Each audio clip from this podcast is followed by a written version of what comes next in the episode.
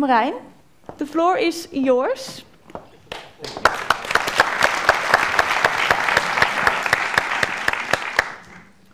All right. So, good morning. It's still good morning, although my uh, my the guys that went before me were too too uh, late in, uh, in in talking. So, I can say the lunch is going to be a little late. So, before we go uh, to start the lunch a little late, it's a real pleasure to be here. Ik spreek gewoon Nederlands trouwens, hè, dus, but I'm, I'm being asked to do it in, in, uh, in English. It's basically because we have two guys from, uh, from, from the UK that all of us had, had to adjust, but we're Dutch, so we are good in, adju in adjusting. Second thing, before I start, I'm a bit nervous. I have to tell you, I'm a bit nervous. It's not because of you, but it's because of my wife is here. So, the, for the first time in 12 years, I'm going to speak, and my wife is here in the audience, and, and she finally learns what I'm doing all of the time 80 hours a week. And she inspires me a lot every day, so that's nice to, uh, to start with. My presentation is about how to find what we call the whispering talents. Um, and I, oh, I have to click on this. Do I have to click on this? Het, je, je, dan zeg je net dat het een duur ding is. It worked a second ago. Doesn't matter, huh? Everybody watched AZ yesterday, perhaps? We, we won finally 2-0 in the cup. But yeah, great. And what's really great is that uh, one of our talents, if we call a talent, Calvin Stengs, he was injured. He broke his kneecap, twisted it, it torn his li ligaments, and he, he, he's finally here after 15 months. So he worked very hard, and, and immediately was quite a, quite a good uh, impression he made on the field. This not working at all? Well, not a problem. We, do, we can do it like this. I, I, will, I will do that. Sorry? So I'm handicapped not only with the language thing, but only with the technology thing, so that doesn't matter. So this is me. So my name is Marijn Beuker. I'm 34 years old, but I'm still working uh, for a lot of time in a AZ, 12 years now. Uh, we call my role, yeah, we call it head of performance development and innovation. That basically what I'm doing is thinking about the future. So in, in football, uh, traditionally, we have lots of people thinking about today, tomorrow, maybe even the next season, because we have to find, recruit talents, new talents, talents from 10 years old or tal talents for the first team. And I'm, I'm thinking about, all right, what does winning look like in 10 years? What does the brain look like in 10 years? Or talent look like in 10 years? And what does that mean for the things we do in the now? That's basically my role. Uh, because the other, the other people are too busy talking about uh, today and tomorrow. Um, just to start with some facts, because we're here in Utrecht, and I assume that there are lots of fans from Utrecht or PSV or even people who doesn't have any uh, intelligence about football, and we call those Ajax supporters. so, huh? Yeah, I have to say that. But, but, and Ajax and PSV, of course, had Sorry?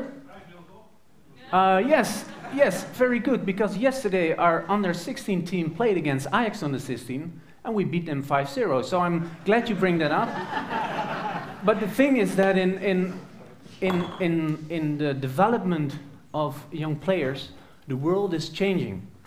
Or even it has changed because now PSV are top clubs in, uh, in Holland uh, based on the first team. But if you look at talent development, the, the, the level in Holland is totally changed because we're the number 15 club in the world and by far the number one or the first club in Holland that is uh, with homegrown players in the first team. So Athletic de Bilbao is on second place. Uh, he has 80% uh, of homegrown players. We have 45% uh, of homegrown players. So yesterday, seven of the 11 who played are homegrown players. So that's, that's, that's nice, but the thing that's even nicer, I think, is that 13 of the 15 players in our first team, we found them when they were 10 years old. So we found them when, when they were this big, and we couldn't see if they had the potential to become phenomenal players in the future. On the other hand, maybe we did. So that's where my, my story is about. So, So first, I'm going to tell you some things about what we do, but I want you to first to understand why we are forced to do this. Because my club doesn't have lots of money. We have 25 million euros of budget. That's, that's, that's much, but in, in, in, for example, Ajax PSV, they have 190 million euros of budget. And when we go to the UK or Ireland, I don't know how it's in Ireland, but in the UK or in, in Britain, there are clubs with 500 million euros of budget. So we will always be a step uh, behind when we do the same things as they do. So what we know is that we cannot distinguish ourselves based on money. Because what lots of clubs do, they have lots of money, they found, they look for the best talents there are, they bring them in, they, they create a good, uh, good team, and at the, the, at the end they buy success. So we learned a long time ago that we cannot compete based on money, so we want to compete. Our chance, well, Steve Jobs said the same. We say think differently.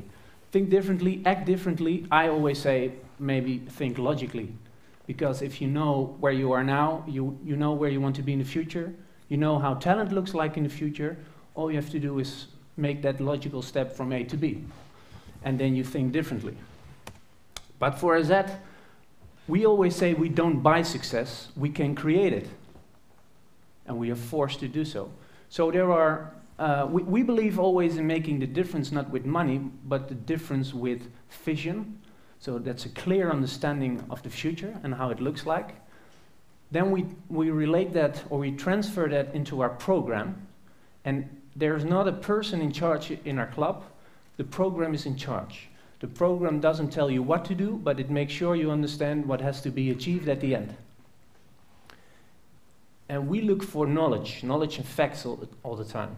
So what I said, I, am I'm, I'm listening to neuroscientists to understand how the brain works. I also am talking with Louis van Gaal all the time. Every month we, we eat together and he is telling me some valuable knowledge as well. And actually the, the two are telling me the same things. Only one uses a lot of different difficult words. Well, actually they do the same. well, one, one always tells me, yes, I'm doing that all my life. So we all know Louis van Gaal, of course. And then you have to find capable staff because they have to do what the program tells us to do. We don't tell people what to do, but we make sure they understand what has to be done at the end, and then they can be creative.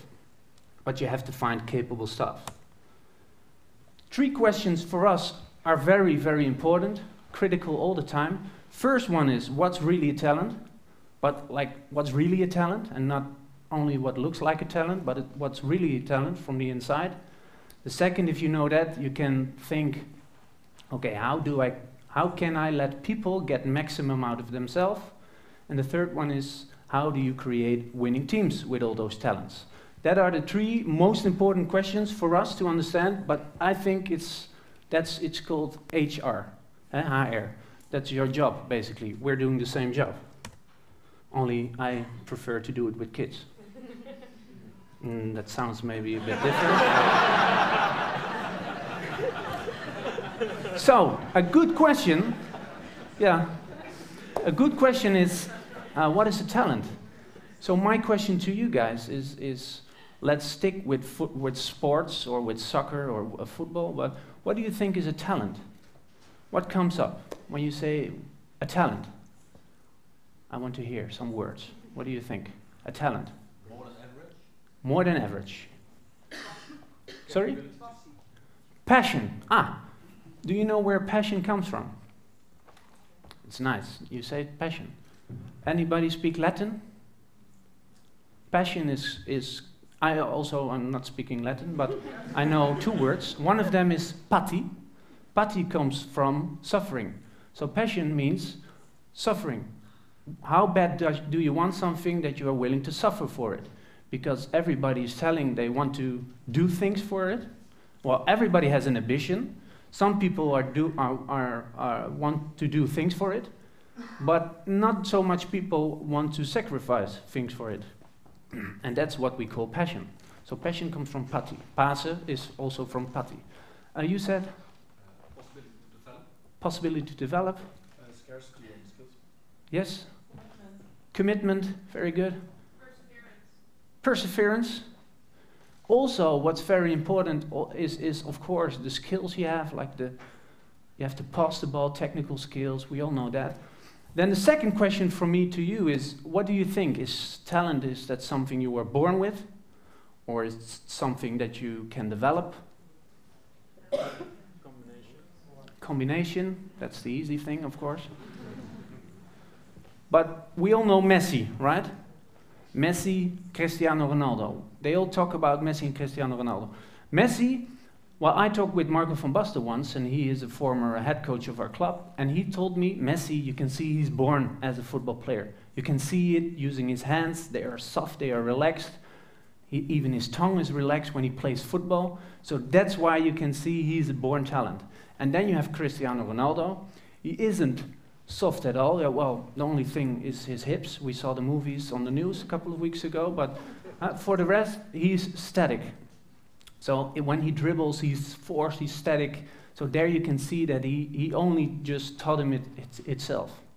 Like that's a bad thing, but and that's what he said. And he played uh, very good football, so he must be right, right? I have one video for you guys that show in, in three minutes what we believe, what I believe, is really uh, talent, and especially the last question: is it uh, is it open for development?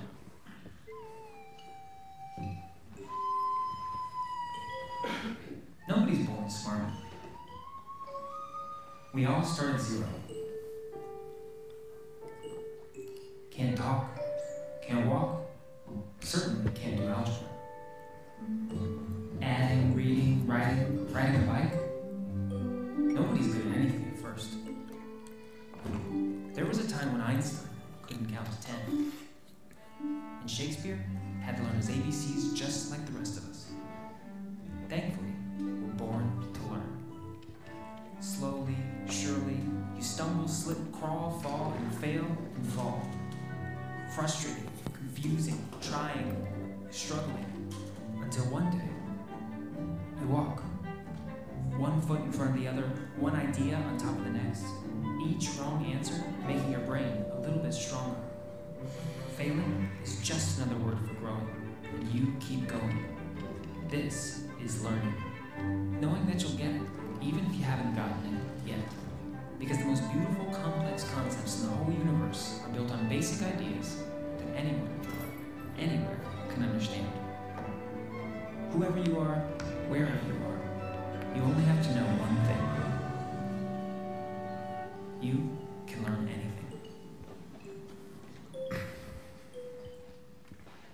So, when you actually this this is really great, and it it's proven. So I can give you thousand articles about every aspect that everything we have inside us can be developed. So that's good to know.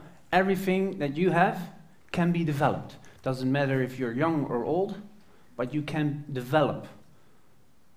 There are some elements that are, I, will talk about that later. But when we look for a, a, a coach or a trainer in our club, the first, the first thing we have to find out if he's really believing in his mindset that everything can be developed. Because a coach, a, a trainer who doesn't believe in this, will not be a good fit. So we only look for mindset and characteristi characteristics when we uh, recruit our, our, coaches.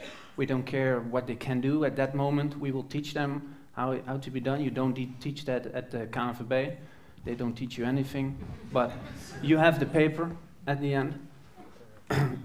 when we talk about talent, it's, it's nice that everybody in our club has the same um, explanation of talent. Because when we, when we ask, ask this question in the world, everybody's telling a different story. Most of the time they talk, yet it's something to do with tactics, techniques, physics, and mental uh, abilities.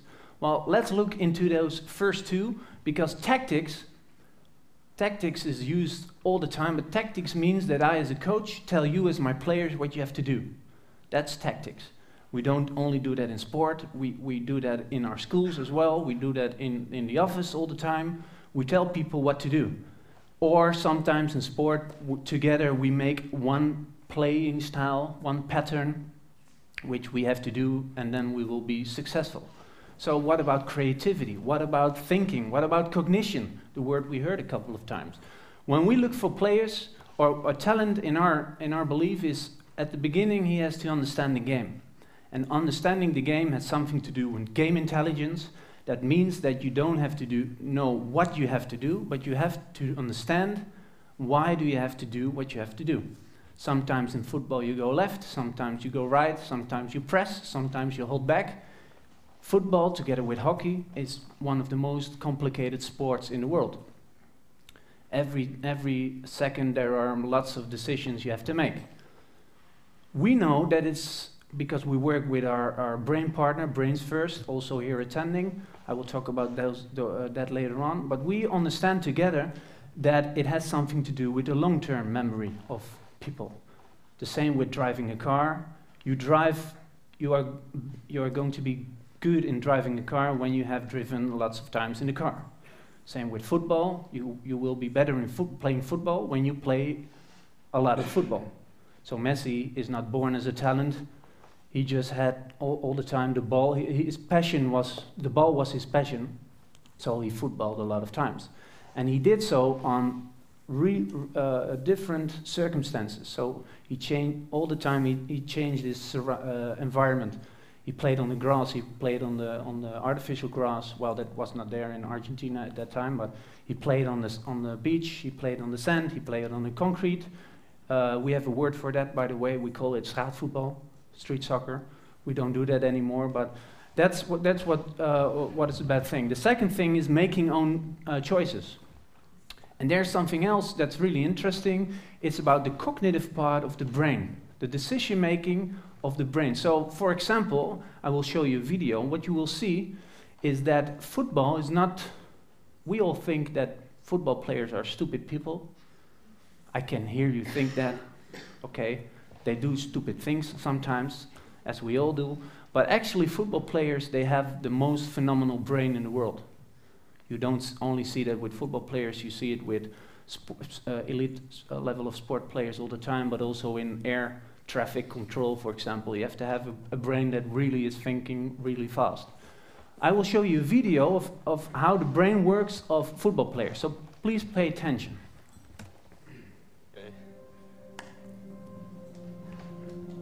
There's no doubt that Ronaldo's feet are fast and effective, but what part does his mind play in this ability?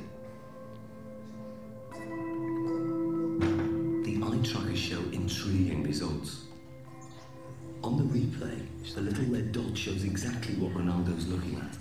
You'd expect a lot of players to be focused on the ball the whole time. With Ronaldo, he did look at the ball a fair amount of time, but he was much more looking around, looking at the defender and taking in the information from his body, and also scanning for the spaces beyond the defender.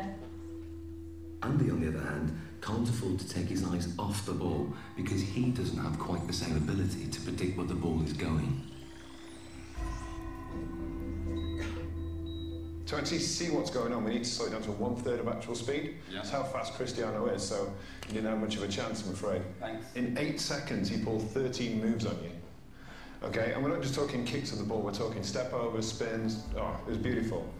So you can see here on the, the gaze data, you can see he's concentrating on the ball. But what you'll see, and the interesting thing, is when he wants to go past you and looking at how you're moving, he's predicting where you're sort of going to be. He's looking for movement in the hips to sort of plan his next move. So, so what he's saying that there's some when you're playing football, there's there's a process in your head going on on a very very uh, quick speed. Is that when I play, I'm I'm picking on the relevant information and I'm processing it in, in, in a speed of 0.2 seconds and I'm predicting where he's going to be. And then I just, like Maradona is doing the same. He's looking at a, a, a player uh, that is supposed to step on that side and I make the decision in 0.2 second to go the other way around. And the, the ability to react is much slower, so I will always pass my player like he's not there. So we know that intelligence uh, the game intelligence is important, but the cognitive ability is more important, maybe. But that's not the point I want to make. Um, for us, just to have the, the, it's only the beginning that I'm talking, but for us, it's only the way to, to achieve this because we will be champion, we will be the cup winners, and we will be one of the top 25 clubs in Europe.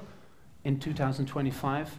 And that's all, all we understand that it, we have to focus on a particular type of talent in order to do so. Because if we buy the, the, the talents that other clubs do, we will have the less money, so we will always be a step behind.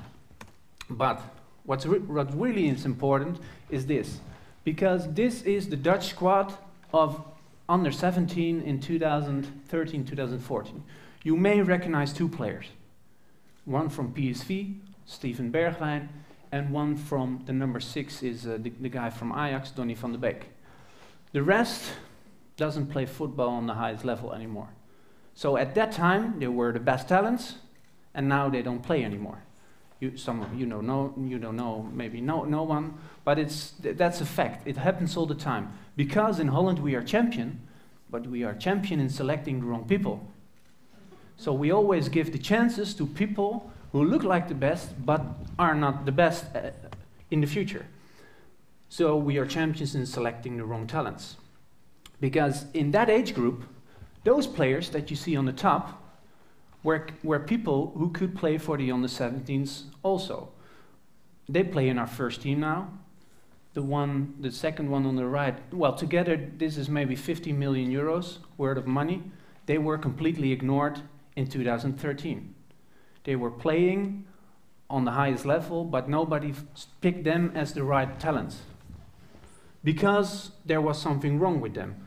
Because what we do is we tend to look for current performance, but we always forget to look of potential for the future.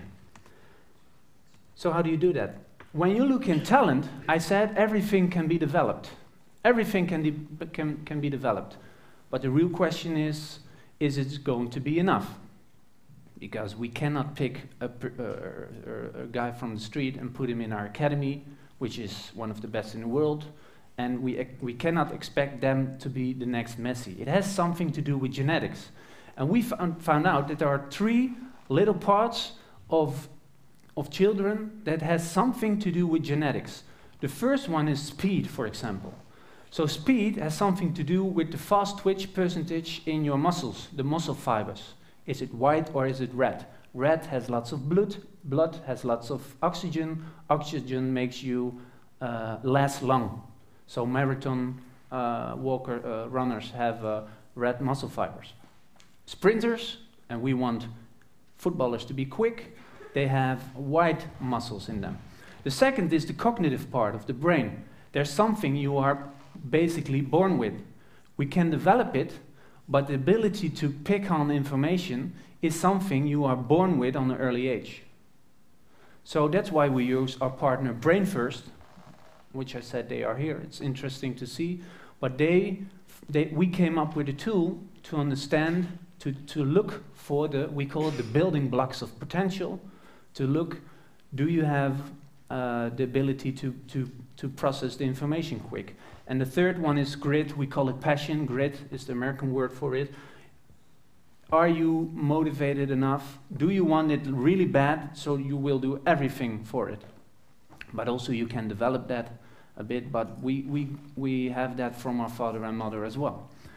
But there's only one mistake we make when we look for players is that biological age is not really fair. Because here, well, lots of women. Women grow when they are 12 years old. They have their peak when they are 13 and they end when they are 14 years old. That is the growth, growth peak of everybody. Guys, we are late in everything, so we are also late in growing. We are starting to grow when we are 13, our peak is when we are 14, and when we are 15, it's done. But this, this is just biological age we're talking about. Because as you see, the biological age isn't happening at the same time all the time. So the guy on the left is even younger based on calendar age, but he looks like a big, a big player. He's developed.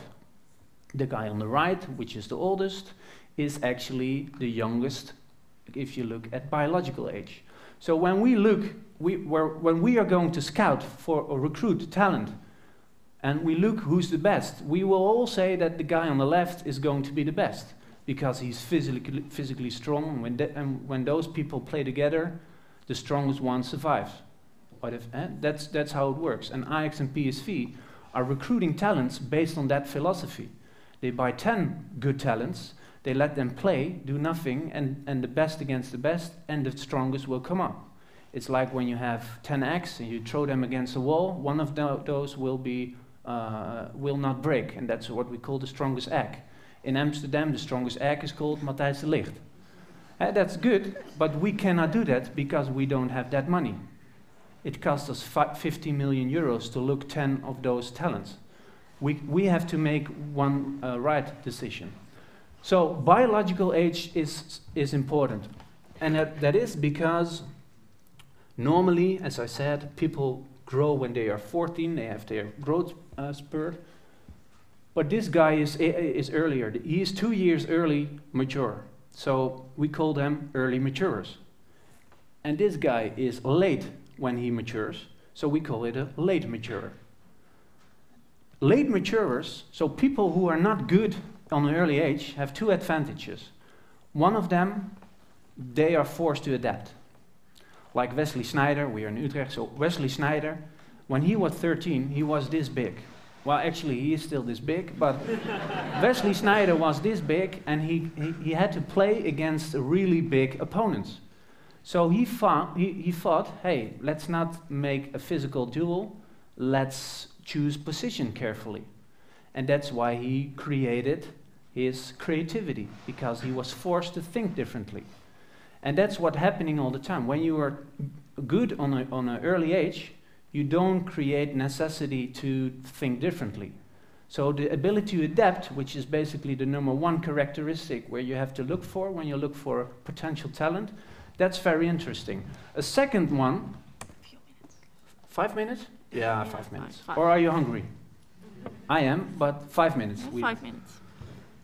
What also is very interesting is the sensitive periods. So please understand, the sensitive periods of children, some of you have children, is happening when, when, when he's a boy who's eight years old, calendar age, until he starts growing, which is biological 13 years old. So we have a talent in our, in, in our club. He started to grow when he's 11 years old. So that has a time period of three years sensitive period. Calvin Stengs, for example, a player who we call a natural born, born technical player, he was 15 years old when his body started to grow. That is seven years of sensitive period. And in, those, in, this, in this period, the, the best cognitive, technical, and physical, the, the, the coordination of, of people is developed. So three years or seven years, that's a huge difference. So, he, so Messi or Calvin Stengs, they are not born with the ability to play very good. They just spend a lot of time in a long, sensitive period.